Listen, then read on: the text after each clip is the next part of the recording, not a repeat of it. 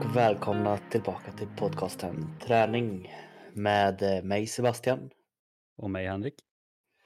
I dagens avsnitt så kommer vi få tillbaka en liten, en liten mumsbit tänkte jag säga. Nej, men eh, någonting som vi har hört lite förut om och någonting som i alla fall jag har sett fram emot väldigt länge.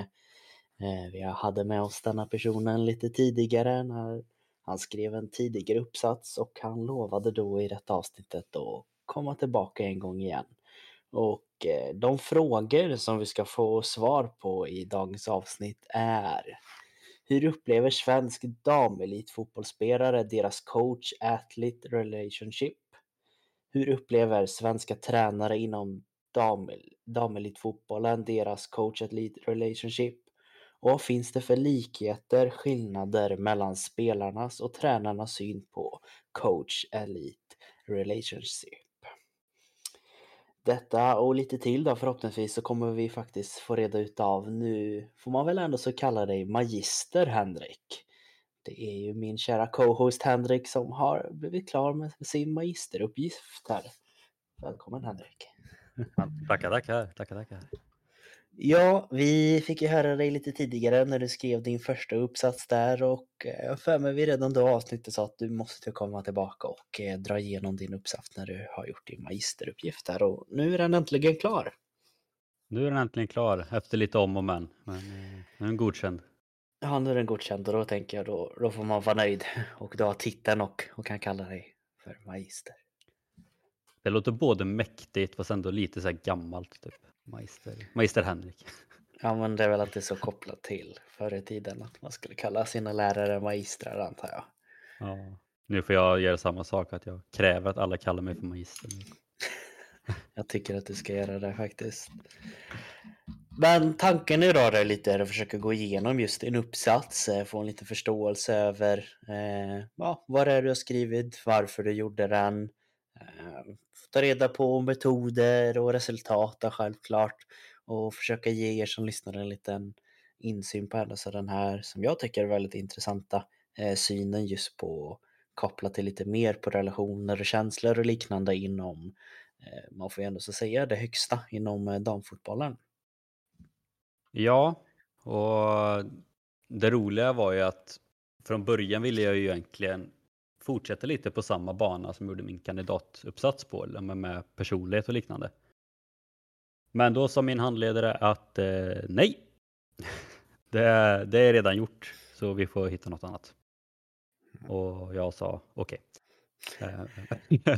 Lika bra att hålla med, de är ju ändå experter på det. Ja, de är ju doktorer och professorer så att det, där får man lyssna.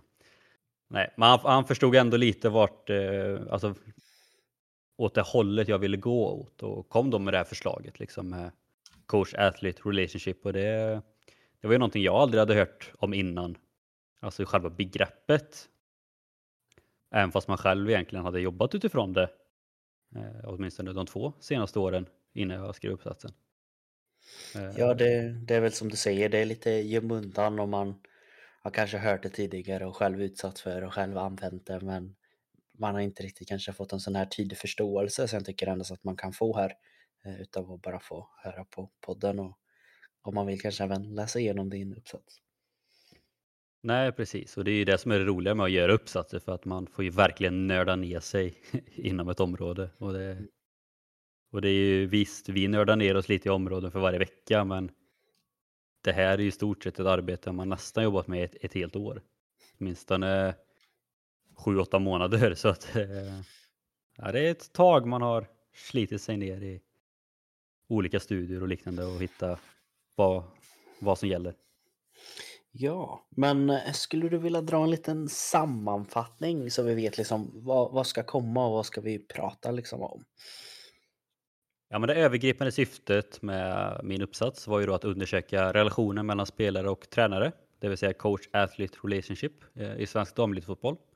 Och studien ska då undersöka om svenska damelitfotbollsspelare upplever om de har en bra coach-athlete relationship, om tränare inom svensk damelitfotboll upplever det och sen vilka likheter och skillnader som finns mellan olika spelares och olika tränares syn på coach-athlete relationship, alltså det som Sebastian nämnde innan också. Och det som är intressant lite med det här då liksom är att kort och gott så kan man väl egentligen säga att tidigare studier har främst gjort liksom en mer kvantitativ studie via enkäter där de nästan bara fått fram om idrottare upplever om de har en bra eller inte bra eh, relation med sin tränare. Och där är ändå många upplevt att jo, men, den är bra. Men det är inte många studier som tar fram vad det är som gör den bra. Eh, och det har även tagits fram liksom lite att eh, man upp, ofta upplever en bättre relation med tränare och spelare av samma kön som en själv. Så till exempel att ja, men, pojkar och män upplever ofta en bättre relation med en manlig tränare eh, och liknande. Så att det har varit ganska lite forskning om man säger så, sett just på ja, men, damer och framförallt damfotboll finns det inte alls mycket om och sen går det på svensk damfotboll så finns det ju ingenting. Och anledningen till att det blev just damfotboll som jag valde att fokusera det här arbetet på var alla främst för att både jag och min handledare var involverade i damfotboll när arbetet påbörjades. Och så egentligen som med all annan forskning så är ju mycket forskning gjort på män sedan innan. Så vill man komma med något nytt så är det ju kvinnor man ska forska inom. Ja, men verkligen. Och det är alltid intressant när det faktiskt gör eh, forskning på det. Eh, vi har ju skämtat om det tidigare när vi tagit med olika studier och liknande. Det står alltid att ja, forskningsarbeten var män mellan eh, 20 till 30 år. Unga män, män mellan, alltså hela tiden. Eh, så jag tycker det är otroligt roligt när något sånt här kommer upp.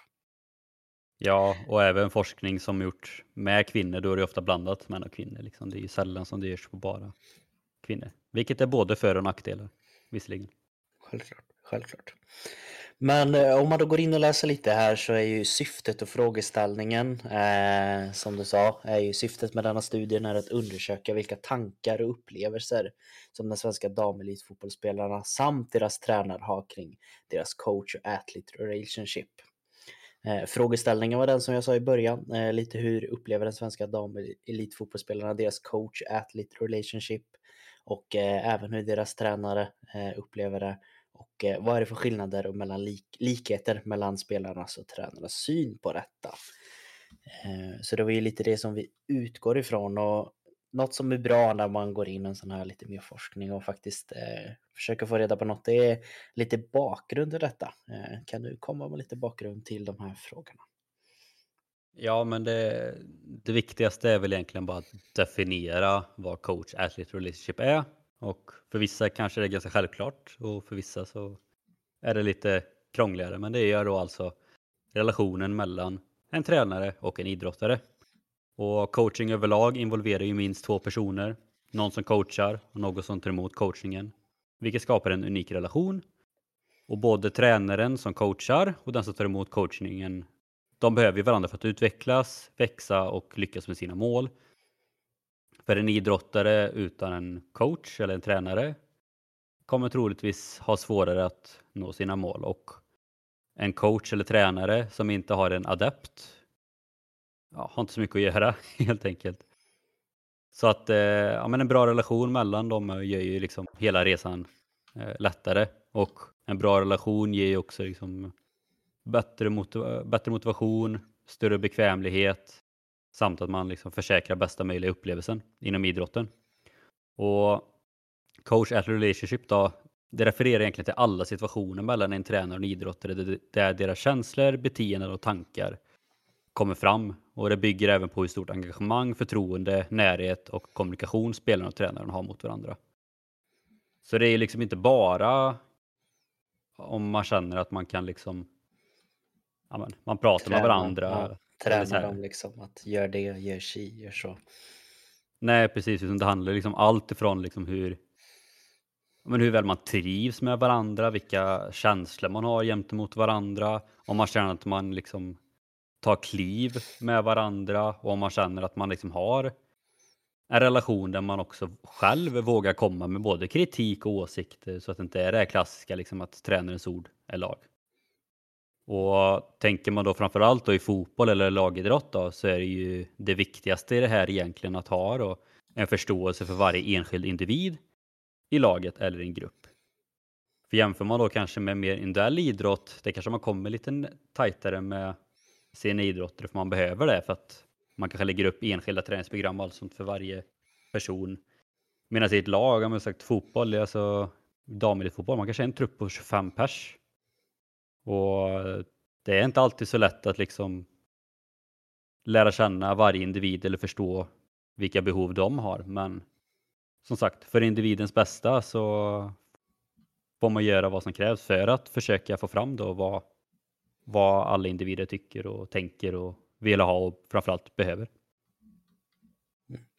Och då kommer ju frågan direkt upp, tänker jag i alla fall, att Eh, det här är någonting som nu det kanske ändå så förklarar det lite, man börjar få en lite förståelse. Ja, ah, jo, men det känns rimligt och jag kanske har gått någon ledarkurs eller någonting annat och det måste ha baserats på någonting. Och hur har det sett ut tidigare? Har du gjort några tidigare forskningar, forskningar på just eh, coach-athlete relationship?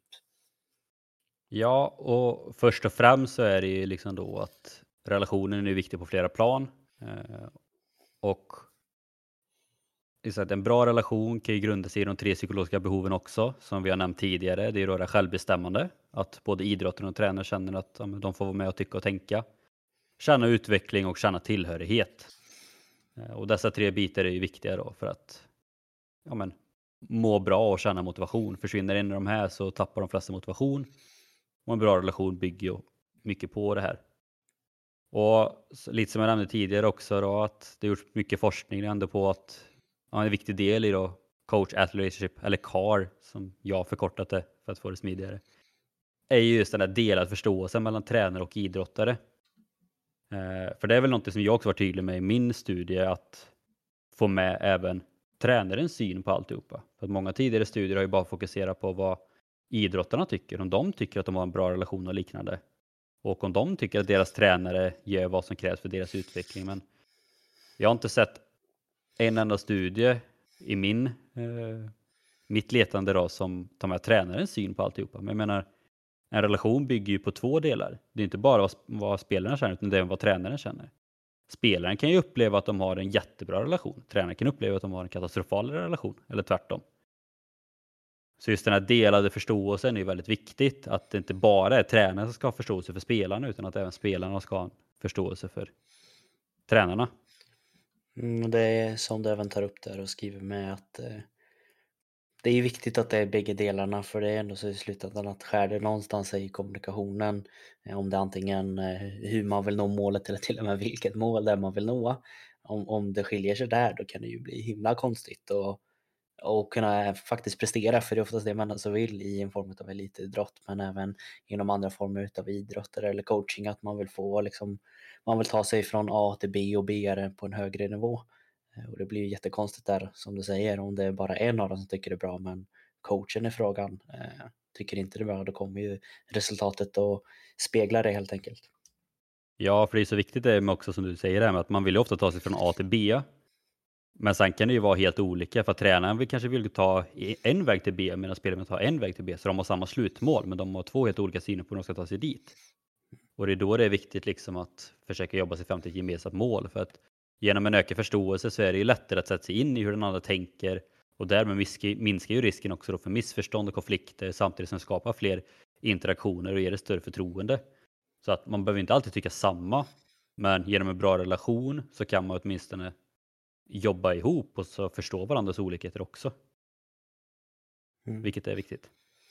Ja, och det är viktigt. Och något, om jag ska välja det jag tycker är intressantast här, eh, eller en av de intressantaste sakerna, det är att det tar upp i väldigt många av eh, det det tagit på tidigare forskning, just den här skillnaden eh, mellan hur killar anser till sina manliga tränare. Att det ansågs att eh, ett exempel här i deras studier på unga fotbollsspelare 455 så ansåg spelarna dock att en stark relation jämfört med tidigare studier. Dock ansåg killarna att de hade en bättre relation eh, till sina tränare än vad tjejerna gjorde. Att det ganska gång på gång kommer upp den här att killarna upplever att de har bättre relation.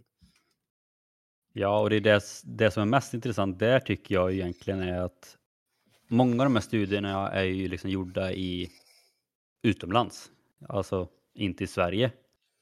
Och vi i Sverige har ju egentligen ett helt annat sätt att coacha på än vad många andra länder har. Vi har ändå börjat ta till oss det här kanske lite mer lugnare, mer ja, men, gemensamma eh, ledarskapet än vad många andra länder har. Eh, framförallt om man kanske jämför med då, till exempel USA där det kanske är lite mer tränarens ord är lag och man säger inte emot tränaren och liknande. Medan vi i Sverige har liksom lite mer att man ska kunna diskutera och prata. Och det var väl där, därför som jag kände att det var kul att göra just det här med ja, men, damidrottare i Sverige just för att höra om det är likadant i Sverige än vad det är utomlands. Ja. För det, det, är samma sak om man då kollar lite hur det sett ut mer på liksom hur kvinnliga idrottare upplevt just relation med sin tränare så de få studier som jag hittade så var det ju majoriteten att de upplevde en väldigt dålig relation. Det var liksom Ja, men det var idrottare som upplevde att eh, någon gång under sin karriär då hade de upplevt olämpliga sexuella skämt från deras manliga tränare. Eh, vilket i slutändan hade blivit att de hade bara gått med på det ju längre de hade haft tränare. För det, blir liksom, det blir en norm. Och de upplevde även vet du, att tränarna la mer fokus på deras manliga eh, kollegor och allting. Och kvinnans prestationer var inte lika bra för att de jämfördes med männen. Men det går liksom heller inte att göra. Eh, och sen vissa upplevde att ja, men om, om de var skadade och inte kunde träna eller om de ville köra rehab istället så var det mer att om då var de klena medan killarna ofta kunde säga bara att ja, men jag, jag drar tidigare nu för jag ska göra någonting så var det lugnt. Så sätt.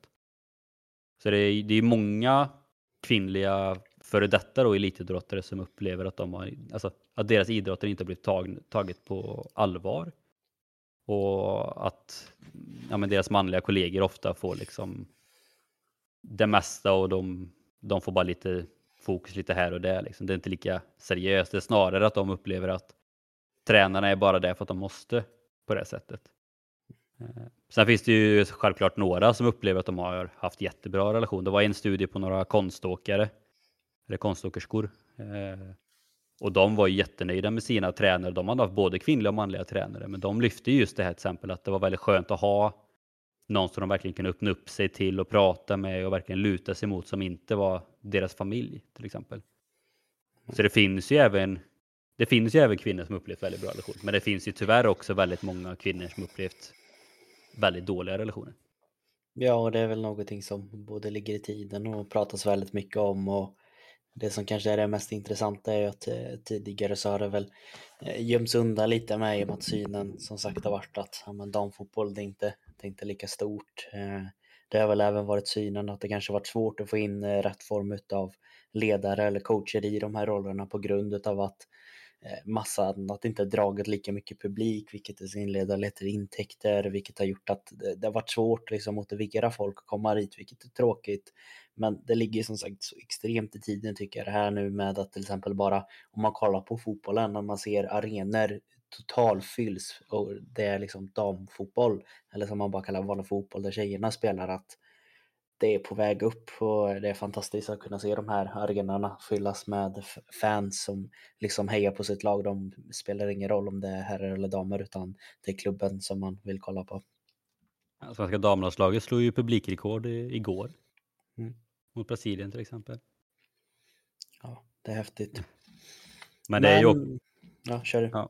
Nej, jag vill bara tillägga att, som sagt, just det att vi i Sverige ändå kommit en ganska bra bit tycker jag märks ändå väldigt tydligt i just landslagsfotbollen här i Sverige. För att i damlandslaget tidigare när vi hade Pia Sundhage som förbundskapten. Hon var ju väldigt mån om just det här gemenskapen, alla ska trivas och må bra. Och det har ju ändå levt kvar lite, alltså samma sak i herrlandslaget nu när Jan Andersson har kommit in. Han är också en tränare som bygger väldigt mycket på gemenskapen. Spelarna får med och tycka och tänka till, även om han har sista ordet. Och även nu då i damlandslaget när Peter Gerhardsson har kommit in. Det har ju varit jättemycket skriverier nu inför dam-EM som spelas nu i sommar liksom och det är många spelare som hyllar honom som tränare just för hans sätt att vara liksom just det här med att han är en väldigt bra coach. Han liksom ser alltid till att alla mår bra och trivs och att de får jobba med sina styrkor och allt sånt där liksom. Så att hör man då det så låter inte det alls då som många tidigare studier har visat på. Eh, men det är väl också bara ett bevis på att vi i Sverige har kommit lite snabbare till just den, den typen av tränarskap eller coaching. Ja, och även faktiskt kunna Vilket är ganska viktigt tror jag för de som kanske inte riktigt har samma syn som vi kanske har mer i Sverige att det, det visar ju faktiskt att det ger resultat och det är inte bara att det är lite som kanske vissa tänker lite gullande utan det ger resultat och det funkar och det är en minst lika bra och kan även argumentera som det är en bättre eh, syn hur man coachar.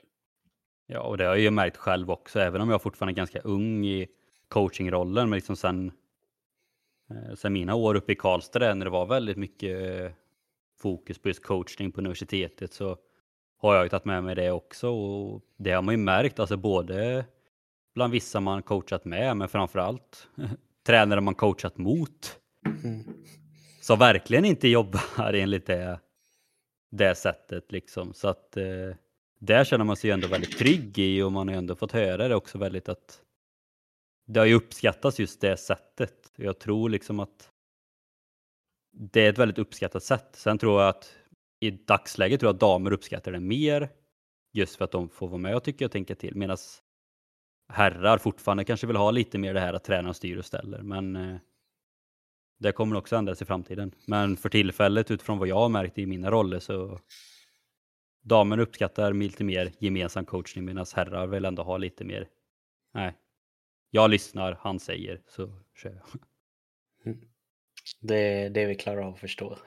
ja, men lite så. Eh, men om man kollar lite mer nu då på, har vi fått lite mer bakgrund och då tänker man, ja, eh, där man har som lite frågor nu är lite mer att hur har din eh, teoretiska utpunkter, vad är det för något och även vilken metod har du liksom använt dig för att få fram ett resultat? Det är så det man vill. Eh, man kan fråga och undra hur mycket man vill men vi vill få något resultat och hur har du tagit dig fram till att kunna få ett resultat? Ja, men egentligen så har väl hela min uppsats byggt på eh, ja, men modellen som kallas för The 3 plus 1 C's Conceptual Model. Eh, och det är då en modell som eh, en forskare som heter Jowett skapade. Och hon är väl den stora eh, vad ska jag säga, gurun när det kommer till eh, just coach-athlete relationship.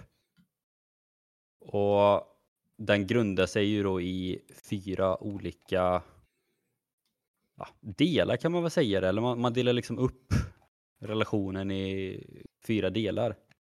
Eh, och från början var ju den här modellen utformad med bara tre C då, och det var closeness, commitment och complementarity. Uh, men på senare år så har det även co-orientation lagts till, så därför är det tre plus en Cs. Och att det är C säger för att alla de här grejerna start, börjar ju på C. Och closeness då som är den första, den innehåller liksom respekt, uppskattning och ömsesidigt förtroende. Commitment handlar om hängivenhet och kognitiva band. Complementarity fokuserar mer på lätthet och vänlighet såsom stämning och liknande.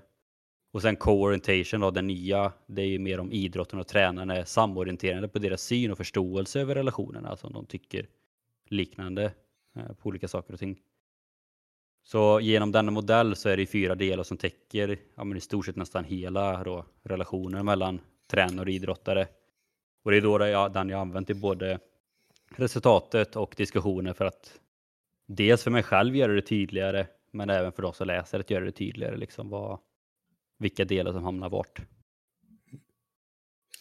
Och eh, hur får du det över det här då? Du har en eh, tydlig liksom, plan, eh, uppbyggnad hur du ska hur, vad du vill få fram och hur du vill få fram det. Eh, hur gick det till då själv rent praktiskt när du skulle få in informationen eller datan då för att få kunna ha något att utgå ifrån? Men det var det som var det värsta med hela studien egentligen. Eh, jag ville göra intervjuer, dels för att många tidigare studier har ju fokuserat mer på enkäter. Och samtidigt som jag kände att via intervjuer så får man ju fram mer just vad det är som gör en bra relation. Inte bara att, att det är en bra relation utan mer vad som leder fram till det. Så att eh, tanken från början var ju att jag ville ha fem föreningar med fem tränare och fem spelare. Eh, men eh, föreningen föreningarna var inte lika intresserade av att ställa upp. Så det hamnade på två föreningar, eh, två spelare och två tränare. Från då damelitfotboll som är de två högsta fotbollsligorna, damallsvenskan och elitettan. Så blev det helt enkelt intervjuer med dem enskilt via Zoom. Så intervjuade jag Eh, först ena tränaren och sen ena spelaren och sen i andra så var det först ena spelaren och sen tränaren. Och intervjuerna varade ungefär 30 till 50 minuter. Och sen så var det bara att försöka få ner allting i, textform på ett bra sätt. Eh, och då var det, när du utgick och skulle intervjua de här, då utgick du från de här eh, The 3 Cs plus 1 metoden? Ja, jag tog väl dels, alltså när jag byggde min eh, ja, men intervjuguide då, så byggde jag den dels från eh, ja, men en enkät som jag tror hon Joet hade gjort från Coach Athlete Relationship. Så jag snodde frågorna rakt av. Sen snodde jag några frågor från en annan studie liksom och sen tog jag några egna. Eh, men mycket grundade sig ju som sagt i utifrån de fyra delarna. Och jag hade även liksom lagt upp dem då så att när jag frågar om så var det ju del för sig. Men sen berodde det på vad de svarade. För det är just det med intervjuer att de kan ju uppleva frågan på ett helt annat sätt än vad jag tänkte ställa den och då kanske den helt plötsligt istället för att den är på closeness kanske den hamnar på någon annan del beroende på vad de svarar. Ehm, så från grunden var ju att jag hade frågor utifrån de fyra delarna och sen fick man ju bara analysera efteråt om de behövde skiftas runt eller inte. Ja, det var väl det jag tyckte när jag läste det här och även om man läser det. Eh, det som är det lite intressanta med den här formen utav att få in information att eh, jag kan tänka mig speciellt om jag försöker sätta mig in i liksom spelarnas eller tränarnas huvud att det kan bli väldigt mycket press. Det vet man själv när man kanske varit på en arbetsintervju eller någonting att det är liksom väldigt raka frågor och man känner själv att man inte har så mycket spelrum att tänka och prata fritt utan det kan väldigt gärna bli att ja, nej, eh, så här tänker jag Medan alltså, det här sättet att få in eh, just datainformation på blir ju som du säger att det, det blir lite mer en vanlig konversation, att man sitter där och pratar och det som kommer upp kommer upp. Eh, det sätter ju betydligt mer, eh, tycker jag i alla fall, press på dig som intervjuare och faktiskt veta att du ändå har fått med allting så man inte missar någonting. Men jag tror i slutändan, upplever jag i alla fall att den formen av metoden Eh, är som sagt, man kan säkert få mer avslätad intervju. Sen så går det väl alltid att diskutera om det är svårare att få in det. För mycket med forskning är ju faktiskt att man vill få in raka svar enkelt, sätta in, jämföra.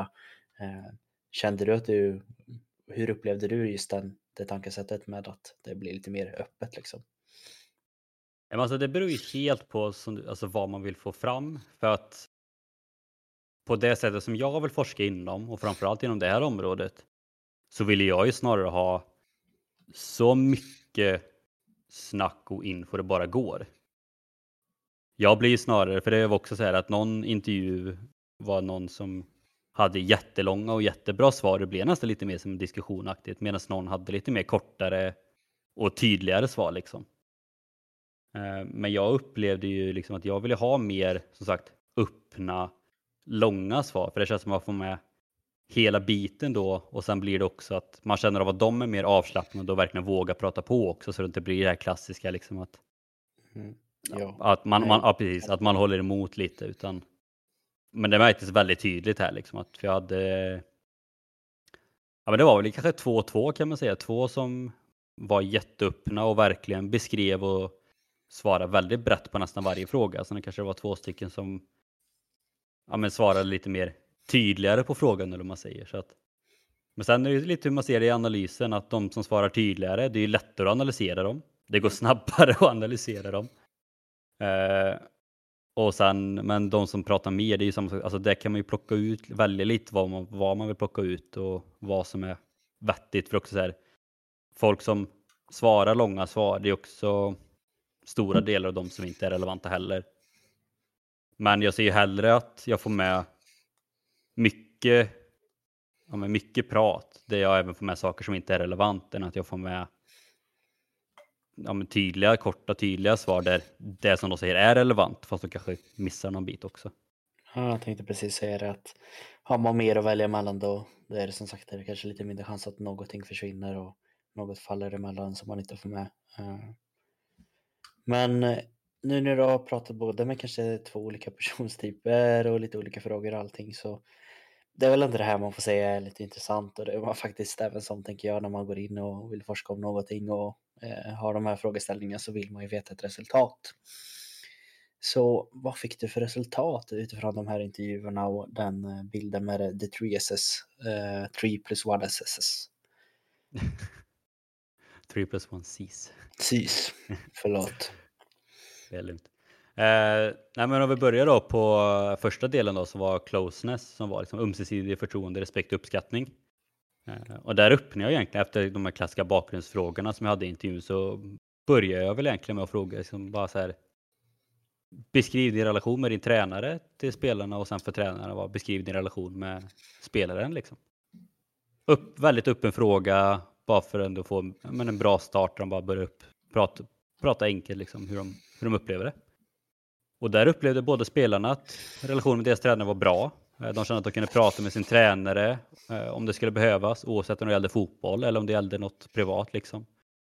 Eh, för att de hade, kände att de hade en så pass bra relation att de också kunde skämta med varandra. Så kort och gott kan man säga att spelarna beskrev relationen som både lättsam, men även liksom att de kunde öppna upp sig när det behövdes. Och även tränarna lyfte fram just den lättsamma sidan, att trots att det liksom är elitfotboll det är liksom den högsta nivån vi har i Sverige. Och att de är liksom tränare. Så kände även de att de kunde ha en lättsam relation till, till, sina spelare. Att de kunde gå och skämta, skämta fram liksom och att det inte alltid behövde vara det här seriösa. Och eh, sen var det också liksom lite beroende på vilken roll man hade. Ena tränare lyfte fram att han tyckte att det var väldigt lätt att bygga en relation till sin spelare för att hon tog klivet upp till både seniorfotboll och elitfotboll eh, i, i deras förening. Så att han kände att han fick jobba väldigt mycket med henne, vilket då gjorde att det var liksom lätt att bygga relation och att men de började liksom från grunden. Eh, sen sa han också lite skämtsamt, det är, det är lätt att jobba med de nya eller man säger som kommer upp för de lyssnar och tar in det man säger. Eh, Medan ena spelaren, hon eh, tyckte att hennes relation med sin tränare hade underlättats väldigt mycket sedan hon blev, blev lagkapten och att alltså, hennes roll som lagkapten gjorde att deras relation stärktes, vilket också kan vara ganska förståeligt. Eh, överlag så han mer på det här closeness då var väl liksom att ärlighet lyftes också fram som väldigt stark orsak till deras goda relation. Att man, både spelarna kände att var det något som inte kändes bra så kunde de gå till tränaren och säga det. Om tränarna upplevde att spelaren gjorde något fel eller så, så kunde de också liksom vara ärliga och säga det. Så att de var liksom inte rädda att trampa varandra på tårna utan tyckte de att något inte stämde eller att de ville ändra på någonting eller hade förslag på någonting så kunde de göra det och det var liksom aldrig någon som tog illa upp i det utan de litade liksom på varandra och de visste att de var spelarna är ju där för att bli så bra som möjligt och de vet att tränaren är också där för att bli så bra som möjligt och hjälpa till, hjälpa dem så att det var liksom aldrig någon som kände att nej, jag tänker inte lyssna utan var det någon som hade något att säga oavsett vilket håll så lyssnar de. Ja, man märker ganska tidigt tycker jag när man börjar läsa det här att eh, det är väldigt högt i tak eh, i de här klubbarna. Att eh, de värderar från bägge hållen. Som du säger, inte tränarens ord bara där utan man lär ju sig bäst utav att ta hjälp av varandra och man lär sig av sina egna misstag och att någon faktiskt kan peka ut dem kan göra att man blir otroligt mycket bättre. Och jag tror ju på att som elitspelare så ska man vara öppen och kunna ta in kritik för att faktiskt även då fortsätta och kunna eh, bli bättre och bättre. Eh, bara för att man är i toppen utav toppen i Sverige så betyder det inte att man är färdig liksom. Man kan inte bara lägga skorna på hyllan och tro att man ska prestera på högsta nivå för det finns alltid någon som vill göra det där lilla extra och fortsätta utvecklas och då kommer det leda till vinster som det faktiskt gör i det här fallet. Ja, och det som du sa, det var även en av spelarna som sa det liksom också att tränaren är ju där för att hjälpa till att utveckla spelarna. Men hon sa, lyfte ju också liksom att tränarna brukar ju också säga att de, de är ju heller inte färdiglärda. Vi är människor, vi kommer aldrig vara färdiglärda. Alltså ser man även liksom till kanske typ ja men Pep Guardiola och Klopp och de här som är liksom top of the top fotbollstränare i hela världen. De lär sig också saker hela tiden. Oavsett vilket yrke man har eller vad, vilken roll man har inom vad som helst så man är aldrig färdiglärd. Liksom inte ens forskarna är ju färdiglärda inom sitt område. Det finns alltid nytt att lära sig verkligen. Vi har väl tagit med det förut och eh, det är någonting som jag tycker är alltid viktigt i vad man än gör. Det är ju sagt, desto mer man vet inom ett ämne, desto mer vet man att man inte vet. Eh, och det är det man hoppas att folk bygger på, som du säger att har man kommit upp och blivit det topp till topptränare, då förstår man oj, det är så lite jag vet inom coachning egentligen. Jag måste lära mig mer. det är ju farligt när man sitter där och tänker att oj, jag kan allting. Eh, det är en farlig sits att hamna i. Då är det antagligen hamnat väldigt fel tycker jag. Verkligen.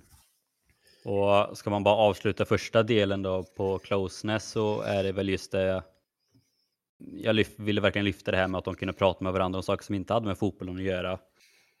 Och båda spelarna upplevde att de kunde gå till sina, till sina tränare och prata om det, var, om det behövdes, om det var något privat eller med skolan eller jobb eller vad som helst. Och tränarna var ju också väldigt tydliga med att de vill ju vara liksom öppna om det skulle behövas. Samtidigt lyfte ju tränarna liksom det att de har ju liksom runt ja, men kanske 23 till 25 spelare och liksom, man hinner ju inte prata med alla spelare om deras livssituation utanför fotbollen. Men de kände liksom det att de ville ju ha det förtroendet att de ska komma om det behövs. Och sen sa de liksom det att de, de fokuserar ju mer på de spelarna som behövde det. För att spelarna i den här intervjun upplevde kanske inte att just nu att de behövde just prata om privatlivet särskilt mycket och då kände tränarna också att då kan de fokusera mer på de spelarna som behöver det. Mm. Ja, går man in på nästa del som är lite mer kanske fokus på hängivenheten och vad det är villiga att lägga ner för varandra så var det väl även här ganska liknande svar eller hur tänker du där? Ja, frågan först var väl just det här med individuell utveckling om de kände att de fick just den individuella utvecklingen. Så, så lite som vi nämnde i början där att man ser liksom behovet, det individuella behovet inte bara utifrån laget. Och jag vet att ena laget jobbar väldigt mycket med videoanalys enskilt med spelarna, liksom att spelaren och tränaren satte sig och kollade från tidigare matcher och sa det här gjorde du bra, det här kunde du förbättra och liknande. Eh, och i andra föreningar jobbar de väldigt mycket på individuell feedback till exempel, både på träningar och matcher. Och att de även har liksom ett par samtal om året där de diskuterar vad de vill förbättra och liknande. Och sen så sa även ena spelaren då att de får tillgång till 20 minuters uttalad träningstid varje vecka för att kunna fokusera på det de själva vill utveckla. Så att är det någon som vill utveckla, på sin, eller vill utveckla sina avslut, ja, men då får de träningstid till det. Vill de utveckla långbollar får de träningstid till det. Vill de utveckla sin eh, ja, nickförmåga, då får de tid till det. Liksom. Vilket eh, var väldigt bra. Och tränarna lyfte just det här med att de, de vill gärna ha något konkret att jobba med. Så att antingen göra det direkt på plats på träningar och matcher där det liksom finns tydligt. Det här gjorde du, gör så här eller gör inte så här. Men även liksom, använda video, att det är tydligt. Nu gjorde du så här, gör så här istället. Så att det inte bara är att man kommer en vecka senare och bara, ja, men kommer du ihåg minut 37 förra matchen? Bara, nej, utan att använda något konkret som behövs. Um, och sen i slutet av den delen så var det just det här med att om både spelarna och tränaren upplevde att de gjorde allt för varandra.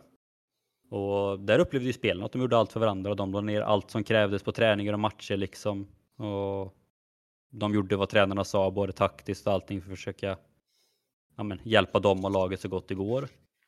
Eh, däremot tränarna, och det tycker jag var väldigt intressant, för de var lite kluvna.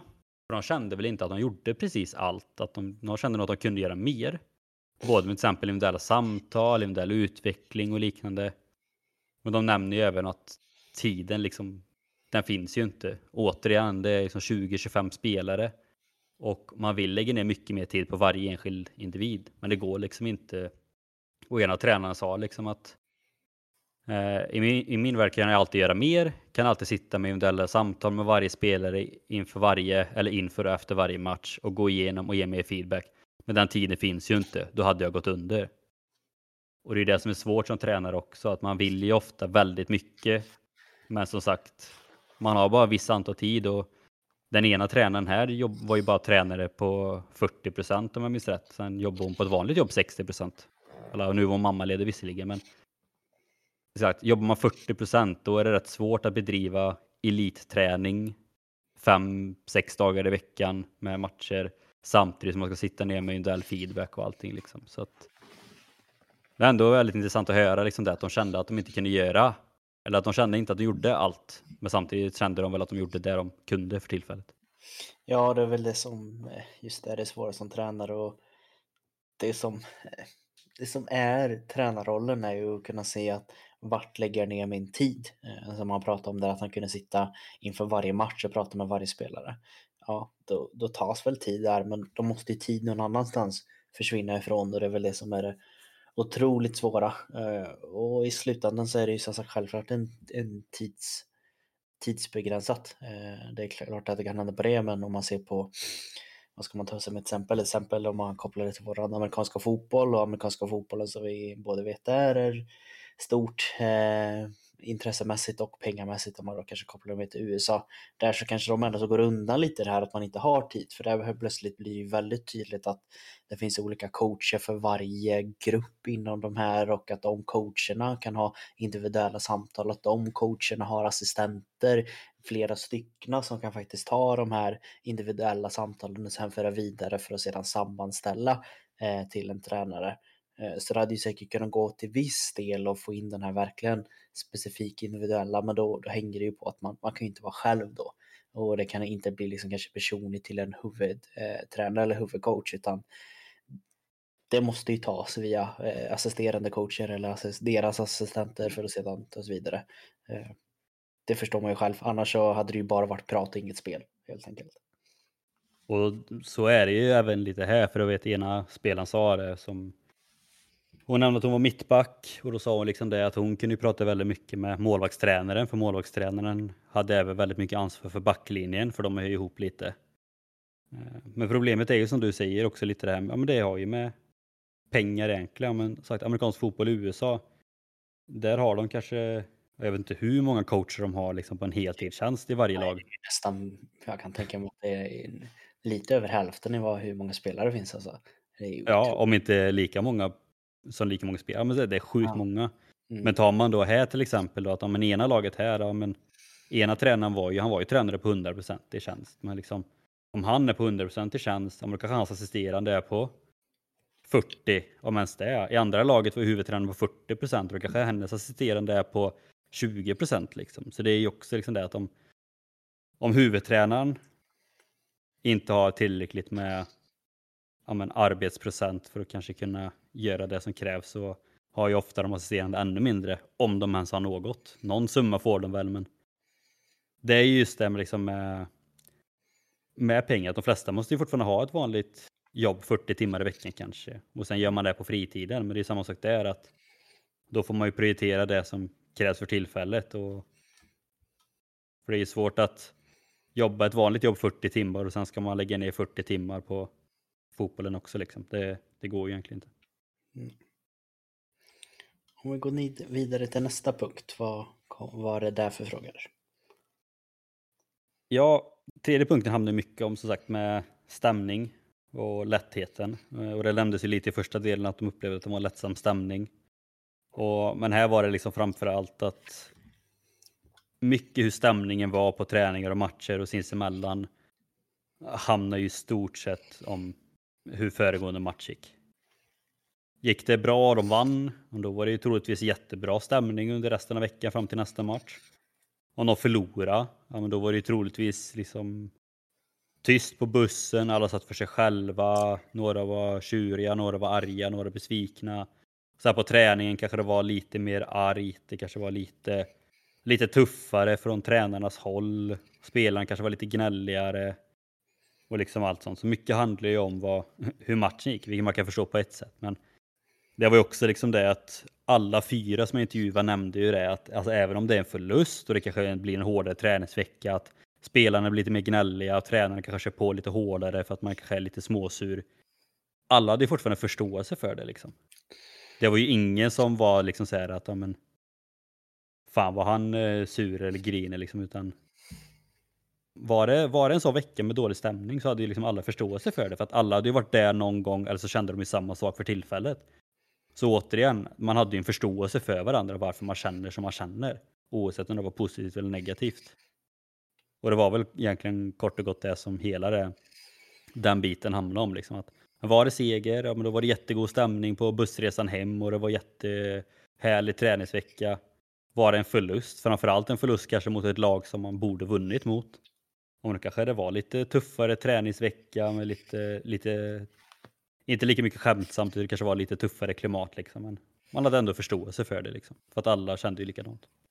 Ja, jag tycker det är så roligt det där med eh, eh, en, vad ska man säga, citat som en av tränarna liksom pratade om att han han lyfter liksom att det, det är väldigt få, få branscher där 90 minuter på en helg spelar så stor roll. Och liksom, om man sätter det i perspektiv, det, det är så himla sant. Tänk om man hade varit ett kontorsjobb och det är liksom 90 minuter på hela arbetsveckan som kanske gick lite sämre. Och sen helt plötsligt alla på ett helt kontor lite småsura och ja. pratar inte lika mycket om andra för att 90 minuter eh, blir så stor skillnad. Och det går ju även att dra det liksom längre. Tänk det är för de som, jag tänker tänk så här 100 meters löpare och liknande som liksom är, ja, där var det några sekunder som eh, gjorde att jag blev sur ytterligare en längre tid och tränade hårdare och jag tyckte det var så härligt i start bara. Ja men det är ju verkligen, och det är ju, det stämmer ju verkligen också. Och han säger ju även lite senare där också liksom att det är ju därför man håller på med fotboll, för att framkalla så mycket känslor. Men så gäller det också att liksom ändå behålla glädjen och allt sånt där. Så att han liksom beskrev att de försöker ha väldigt mycket glädje efter träningen. För att liksom innan träningen, då brukar det vara, ja men liksom det genomgående är träning, då ska det vara fullt fokus. Mm. Men efter träningen, då ska man kunna gå runt och skämta och slappna av liksom. Men att liksom att det när man kör, då är det fullt fokus och sen efter sen, ja men då kan man skämta liksom och ha kul typ. Ja, då är jobbet klart liksom. Ja, men lite så. Uh, nästa punkt är punkt fyra. Uh, där så var det ju lite mer fråga om uh, vilket förtroende spelarna hade fått av tränarna. Och där var det lite svårare för dem för det hade de inte tänkt lika mycket på eller? Nej, och det är det jag tycker är lite kul för att ofta som tränare så tänker man väldigt liksom mycket på att vilka spelare som får förtroende och vilka olika roller och allt sånt de får. Men för spelarna så baseras det väldigt mycket på egentligen bara speltid, vilket också är förståeligt. Liksom. Men jag vet ju till exempel framförallt i ena föreningen, liksom, det lyfte ju spelaren liksom att ja, men, förra året satt jag en del på bänk först och främst, men sen han valde han med att spela med mycket. Så att på så sätt känner jag verkligen som ett förtroende. Jag får spela mycket matcher och då tycker jag förhoppningsvis att jag gör det bra. Det var liksom hennes syn på det. Medan hennes tränare var liksom lite mer vi bygger ju nästan hela vårt spelsätt utifrån, utifrån henne. Liksom. Det är liksom att hon har en väldigt viktig roll i vår elva för vårt spelsätt. Liksom. Eh, och i andra föreningen var det väldigt mycket med just det här liksom att ja, men, rollen som lagkapten som sagt, att det är ju väldigt stort förtroende. Eh, och hon tyckte även det var väldigt kul för att tränaren kom ofta till henne inför matcher och säger vad hon förväntar sig av henne och litar på, och litar på att hon gör det och att, vad hon ska förmedla ut till spelarna och sånt också. Så hon upplever att hennes tränare litar starkt på hennes egenskaper, liksom både fotbollsmässiga men även i sitt ledarskap. Så det tyckte hon var liksom stort som förtroende. Eh. Men annars lyfter ju även tränarna liksom att många upplever just förtroende som speltid. Liksom. Alltså får du spela får du stort förtroende. Blir du bänkad, då får du inte stort förtroende. Är du petad helt, då får du inget förtroende alls. Liksom. Så att, men det är ju liksom inte heller riktigt så det funkar, utan man har ju förtroende på olika sätt. Men samtidigt så förstår de ju liksom också att det är klart att de som spelar får ju, får, de får ju lite större förtroende självklart. Men bara för att man blir bänkad så behöver inte det betyda att man inte har förtroende liksom, utan det kanske är mer att man kanske bara är en sån spelartyp som man har förtroende för att när den väl byts in då ska den göra en matchändring och liknande.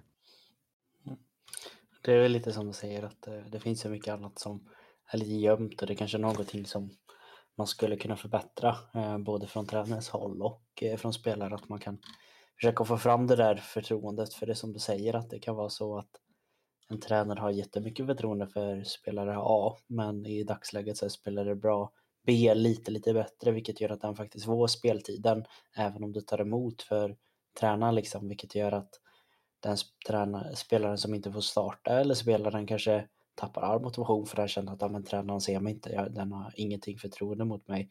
Men det skillnad kan vara en sån liten, liten del, liksom, att det är dagsform eller något annat eller laget man möter eller vad som helst som gör att tränaren ändrar om. Och det är då det är så viktigt med just den här som egentligen hela utgår ifrån, det här eh, coach relationshipet. Att eh, man ska kunna förmedla det på ett bra sätt så att eh, spelarna liksom är fortfarande taggade och kunna prestera när den väl får chansen. Men det, det är precis det som handlar om att vara just coach. Att det inte bara handlar om 11 startspelare utan man fortfarande får med sig de som inte startar. För det är ju även samma sak där just som med känslorna. Liksom. Det är så mycket som beror på de här 90 minuterna på helgen. För säg till exempel att du, ja, men du startar, men du har en jättedålig dag, du gör en jättedålig match, du kanske blir utbytt i halvlek. Spelaren som kommer in kanske gör sitt livsmatch helt plötsligt och är hur grym som helst. då är det ju jättesvårt att inte spela den spelaren nästa vecka också.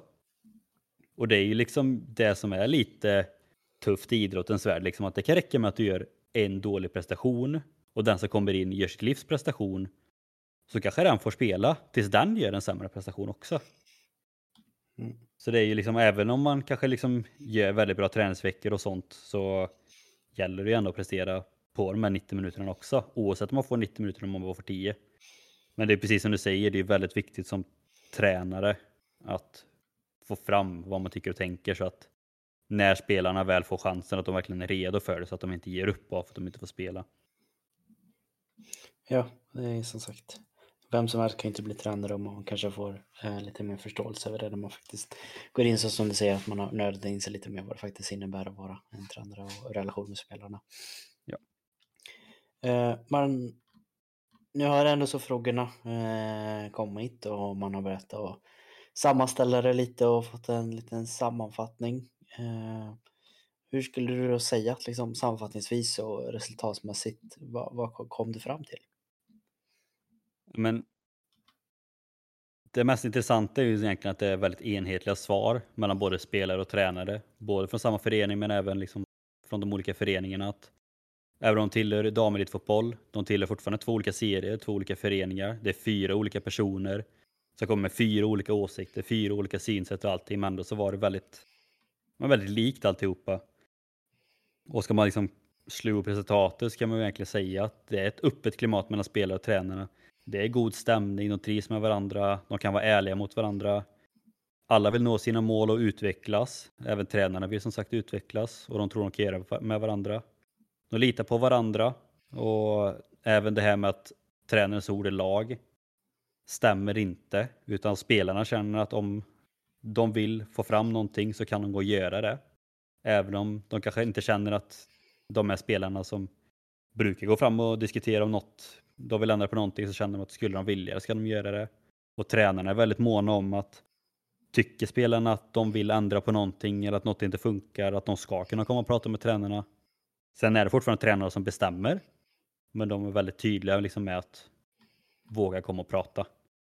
Och kort och gott kan man väl egentligen säga liksom att de är måna om att göra det tillsammans och genom att göra det tillsammans så behövs en bra relation och det upplevde jag i alla fall att de hade. Om man eh, kanske går lite utanför men ändå så fortsätter lite för det avslutar sen med någon form av diskussion och det kommer upp lite frågor och allting kring detta. Tror du på något sätt att man hade kunnat dra nytta nytta utav att ha en förståelse över ditt upplägg som du har liksom tagit fram, just att man får en förståelse över coach och spelare. Hade en coach eller spelare kunnat ta nytta utav detta om den till exempel hade läst en text eller fått utbildning i det eller bara fått mer förståelse över vad det faktiskt innebär och hade det i sin slutända kunnat leda till, tror du att man hade kunnat prestera bättre på plan? Och om du tror det, varför tror du att de hade kunnat prestera bättre? Nu var det väldigt många frågor här. Men alltså kort och gott så jag har även skrivit det liksom studien att det här är inte bara en studie för svensk damelitfotboll. Det är inte bara en studie för damidrott, det är inte bara en studie för fotboll, utan det här är en studie för idrott överlag. Alla som coachar och alla som tränar liksom att som tränare få med sig den här biten att verkligen, verkligen lära känna sin idrottare, att se vad den behöver att vissa kanske behöver jättemycket mer stöd, vissa kanske inte behöver stöd alls. Vissa kanske vill ha det lite mer att säg vad jag ska göra så gör jag det. Medan vissa kanske vill ha lite mer att jag vill kunna diskutera och lägga upp mitt upplägg lite själv också. Det är ju bara att ta skidlandslaget nu som exempel. Det är ju tre av våra största damstjärnor har ju valt att träna på egen hand med sina privata tränare istället för att träna med landslaget. Antagligen för de upplever att de inte får det optimala för sig själva i landslaget. Så det är ju sånt sak där också att där kanske landslaget vill jobba mer på ett sätt för hela gruppen medan spel eller skidåkarna vill liksom köra att men, jag vet vad som funkar bäst för mig och det vet jag att jag får här. Mm. Så det, liksom, det märks ju att på, även på elitnivå liksom just det här med att den här kommunikationen mellan idrottare och tränare behövs. Och det här gäller inte bara elit, utan det här gäller både bredd också, oavsett, oavsett om det är liksom ungdom eller senior också. Att försöka förstå. Sen är det ju det klassiska, man kanske inte alltid har tid.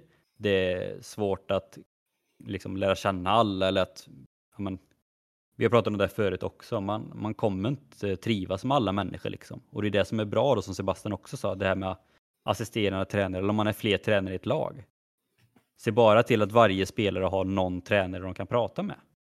Så att de vågar liksom öppna upp sig, så det inte blir det här liksom att man, man bygger upp en ilska inom sig eller en osäkerhet för att man inte vågar diskutera eller prata om någonting. Utan att verkligen få fram, alltså framförallt inom i tonårsåldern i ja, men breddidrott eller vad man säger, där det är många som slutar idag. Många slutar ju idag för att de tycker att det blir för seriöst, för att de inte får speltid. Att det liksom, även om de spelar på en låg nivå så blir det typ elit av det. Och det vet jag en studie som jag har läst tidigare så var det liksom att det var innebandytjejer där väldigt många slutade. Eh, men det var aldrig någon som hade frågat alltså hur de vill ha det, vad de vill träna på. Utan de slutade ju när de tyckte att det blev för ja, men, elitinriktat typ. Sen så blev hela föreningen, alltså styrelsen och tränarna, blev chockade. För de trodde ju att spelarna ville ha det tufft och elitinriktat. Men det var aldrig någon som hade frågat spelarna vad det var de tyckte. Och det är liksom, så det är det jag vill få fram med det här, att liksom tro inte att ni vet hur spelarna tycker och tänker och känner och upplever saker om ni aldrig har frågat det.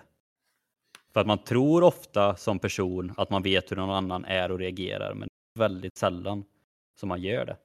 Jag lovar att det är väldigt många som jag känner som tror att de känner mig också, men det är nog väldigt få som känner mig egentligen. Mm. Det är väl det här som eh, jag tycker eh, är intressant, och vi har pratat om det tidigare. Men när man går in på det här sättet så krävs det ju då alltså att det blir någon mer förståelse över både idrott och sporter, i det här fallet fotboll överlag, både det rent taktiska men även rent coachbiten sätts ju mer press på. Och eh, om man ska vara helt ärlig idag så just den här formen att få in coacher och sånt som jobbar ideellt är ju allt svårare och svårare. Det ser man bara på ungdomsfotboll och annat, eh, vilket vi, jag tror vi kommer ha väldigt svårt med i framtiden att föräldrar idag som det tidigare varit, de, de är inte riktigt lika måna och kanske gå in i en ledarroll och gå in och stötta vilket gör att det blir allt svårare och svårare att kunna få upp lag. Eh, det är väl någonting som många har kunnat se både som en nackdel och det, det ser väl jag med och det kommer nog kunna bli betydligt svårare att ha igång kanske lika många lag eller liknande om, om det inte ändras någon syn antingen hos eh, vuxna föräldrar inom, eller inom föreningarna för att locka dem. Men någonting som kommer vara otroligt bra tror jag, det är att som du har tagit upp här tidigare och som är väldigt viktigt att, att man kan få eh, en person som är utanför familj eller närhet på det sättet att man faktiskt får en yttre person som helt enkelt bara lär känna dig på nytt, lär känna dig via sporten, eh, har den här öppenheten och har den här förståelsen och kanske till och med vågar att vara hård när det behövs och mjuk när det behövs. Eh, vilket kommer, tror jag i alla fall, kunna leda till eh, otroliga saker, kanske framförallt inom ungdomsidrotten. Att vi förhoppningsvis kan få in sådana, kanske att man lockar av olika tjänster eller liknande. Eller att man bara lockar på något annat sätt och få in de här yttre personerna. För det är otroligt viktigt för, tror jag i alla fall, framförallt unga ungdomar att få in någon sån person i sitt liv. Ja, och sen det mest intressanta där med just det här att det är svårt att få ihop ideella ledare mycket där hänger ju liksom på att det är väldigt få som vill ställa upp för att de inte tycker att de har kunskapen om idrotten. Mm. Men det är ju där också som föreningar behöver liksom få till liksom just det med att, ja men, säg att det är två stycken, ja men de, de kan fotboll eller innebandy eller handboll eller vad det nu är. Ja men låt dem då fokusera på det. Så kanske kan plocka in då en eller två som inte har ett skit med själva idrotten att göra utan bara fokuserar på just det här med relationen. Mm. För det är ju det, kollar man på liksom elitlag nu för tiden så har, är det liksom att man, man har kanske en huvudtränare, man kanske har två assisterande, sen har man en målvaktstränare, man har en fystränare, man har en sjukgymnast, man har en psykolog. Liksom. Det är inte många av dem som behöver kunna fotboll. Utan kan man bara någonting. Och framförallt i, i liksom ja, men i breddidrott, oavsett om det är ung eller senioridrott. Alltså så här, ja, du kanske inte kan fotboll, men du har spelat innebandy hela livet och har ganska bra koll på hur fysa funkar innebandy. Ja, då kan du lika gärna vara fystränare i ett fotbollslag också. Mm. Jag har aldrig spelat innebandy i hela mitt liv. Jag har ganska dålig koll på innebandy, men jag var fystränare för ett innebandylag i två år. Men jag behövde inte bry mig ett skit om själva idrotten innebandy. Jag behövde förstå vilka fysiska krav de behövde liksom. Mm. Och det är liksom samma sak här, alltså att alla tränare, framförallt då på breddnivå, kanske inte har just den här ja, men, coach-egenskapen om man kan uttrycka det så, liksom just det här med att få fram exakt vad det är man vill, även om man försöker. Mm. Då är det jättebra att försöka få med någon som kanske kan det bättre, men inte kan fotbollen lika bra. Som du säger, att man hittar liksom en tydlig roll. Mm. Och jag tror ju det är någonting som har dels finns och jobbas med. Ett väldigt praktiskt exempel är ju handbollen för mig. Till exempel där att jag ändå så växte upp kan man väl säga en elitförening där det ganska tydligt var att vi hade en huvudtränare eh, och sen hade vi kanske tre eller fyra stycken eh, assisterande tränare. Eh, visserligen så hade kanske huvudtränaren den mest kompetensen inom att ha gått mest utbildningar inom handboll, hållit på längst, eh, bäst på taktiskt spel. Men de som man kanske pratar mest med, det kanske var de här assisterande tränarna, speciellt någonting som jag tror är väldigt viktigt för framförallt ungdomar då, det är att man har de här lite yngre tränarna. För det plötsligt så blir det ett exempel att man, man får med några yngre killar som ändå så är duktiga på det här relationsmässiga. Eh, det är lite häftigt att de är med för de är, de är inte så mycket äldre än själva. Man kan skämta om samma saker. Man kan bygga upp en jättebra relation och på det sättet så kan den eh, yngre tränaren föra vidare jätteviktig information till en eh, huvudtränaren. Och det var ju någonting som vi hade jättebra i vårt lag. Vi hade Eh, en fantastisk sån som även var väldigt duktig på allt annat dock, men just att fånga upp oss eh, spelare, det gjorde han ju otroligt bra. Jag tror att det var ju vår framgång, eh, skulle jag säga, att vi hade just den, den här relationen med tränarna. För vi, troligen, jag tyckte inte vi var jättebra. Vi, vi var inte så bra att vi skulle få de resultaten som vi fick.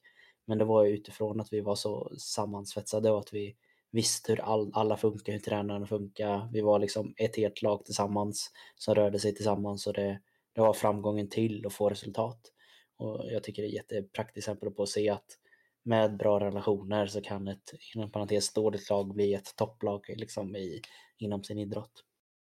Och det är ju det som är så bra då, för att nu vet inte jag hur de hade lagt upp det, om det bara blev så automatiskt eller inte, men det är ju samma sak där, för jag vet att även många elitlag jobbar på just det sättet, att huvudtränaren kanske vill fokusera mer på det taktiska, analysera och allt sånt där.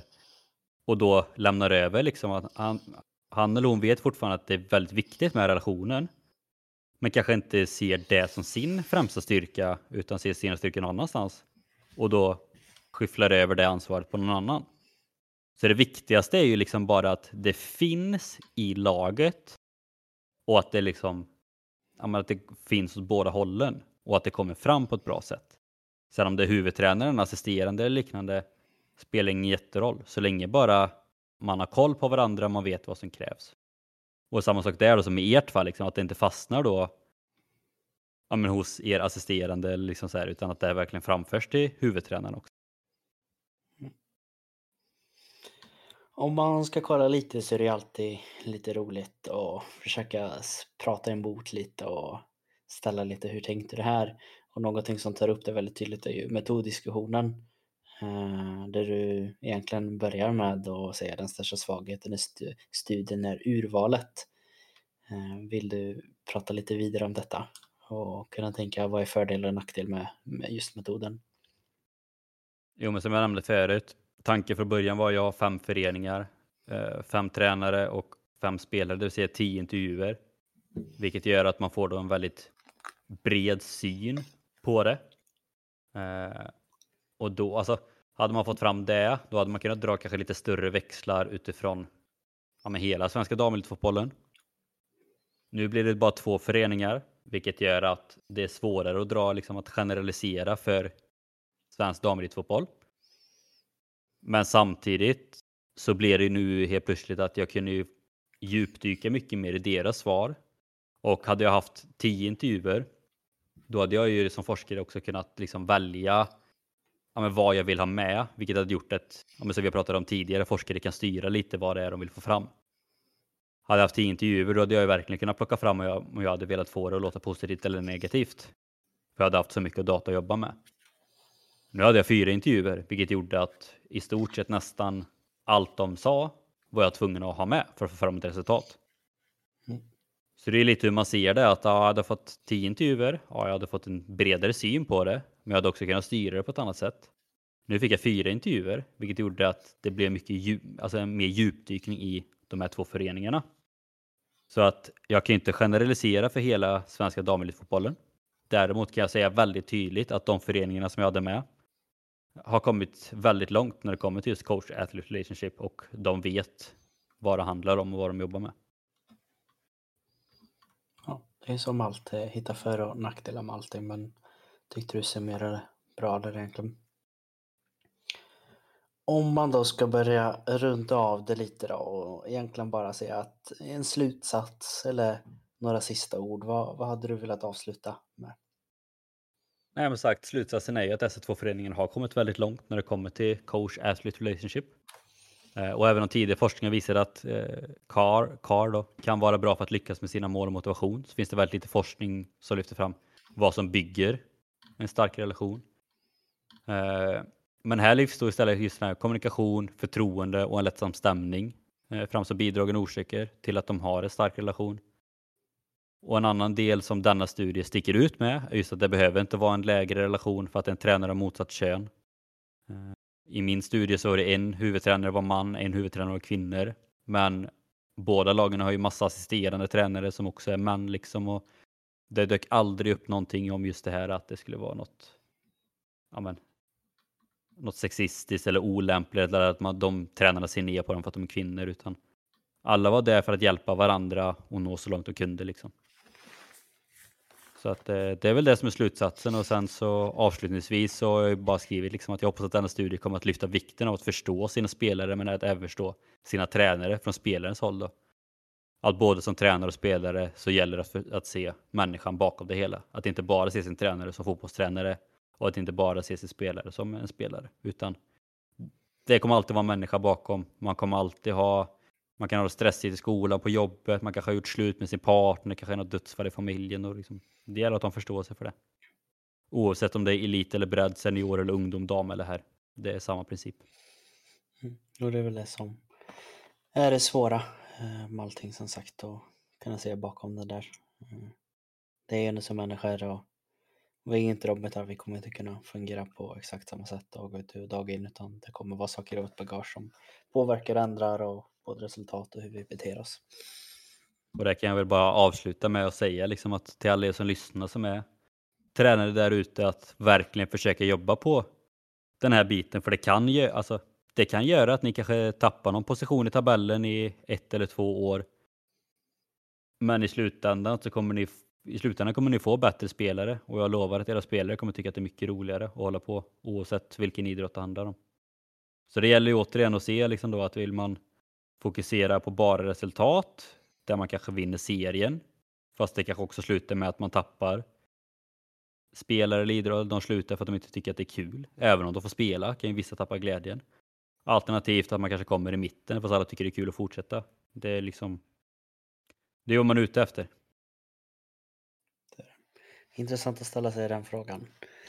Eh, men det är väl helt enkelt bara att tacka Henrik då för att han faktiskt ville dela med sig av detta arbetet och grattis till att du blev klar med det och att eh, det blev godkänt och att du nu kan som sagt kalla dig för magister. Det ska jag kalla dig lite av och till tänker jag. Får väl se om det blir en masteruppsats om ett år nu då. Ja, får vi se och då, om det blir det så har du inget annat val än att komma tillbaka som sagt och även dela med dig av detta.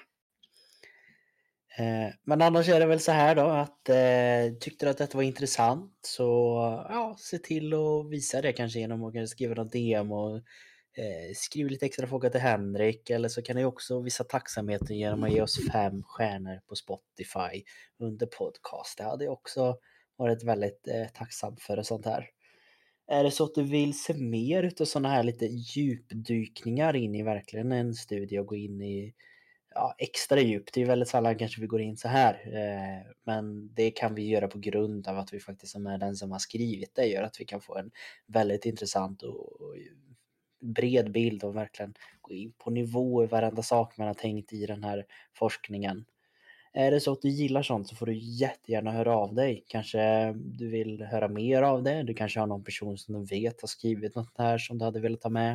Eh, vi har ju haft med en tidigare person som också har diskuterat sina arbeten. Han kanske är intresserad att komma tillbaka. Vem vet? Henrik har en hel Vem klass. vet? Henrik har en hel klass som har skrivit sånt här. Det är ändå Ja, så. en hel klass var väl att ta i. Men... Ja, men det är ju en hel klass ändå. Ja, jag tror vi var... Ja, det var ju bara jag och Filip som gjorde en magister. Sen Ja. var det, sen var det fy... Nej, sen var det tre som gjorde en master. Men jag tror Mm. att av de tre så tror jag att kanske bara en som är intressant att lyssna på. Ja, okej. Det hörde du från Henrik då. Men det finns andra personer som har gjort Det finns andra personer. Det finns det. Eh, men som tack, annars så jag ska inte dra ut mer på den utan som sagt, vi vill tacka dig för att du lyssnade och, och hoppas att du fortsätter att lyssna även eh, framöver. Så vi hörs nästa vecka helt enkelt. Det gör vi. Ha det gott.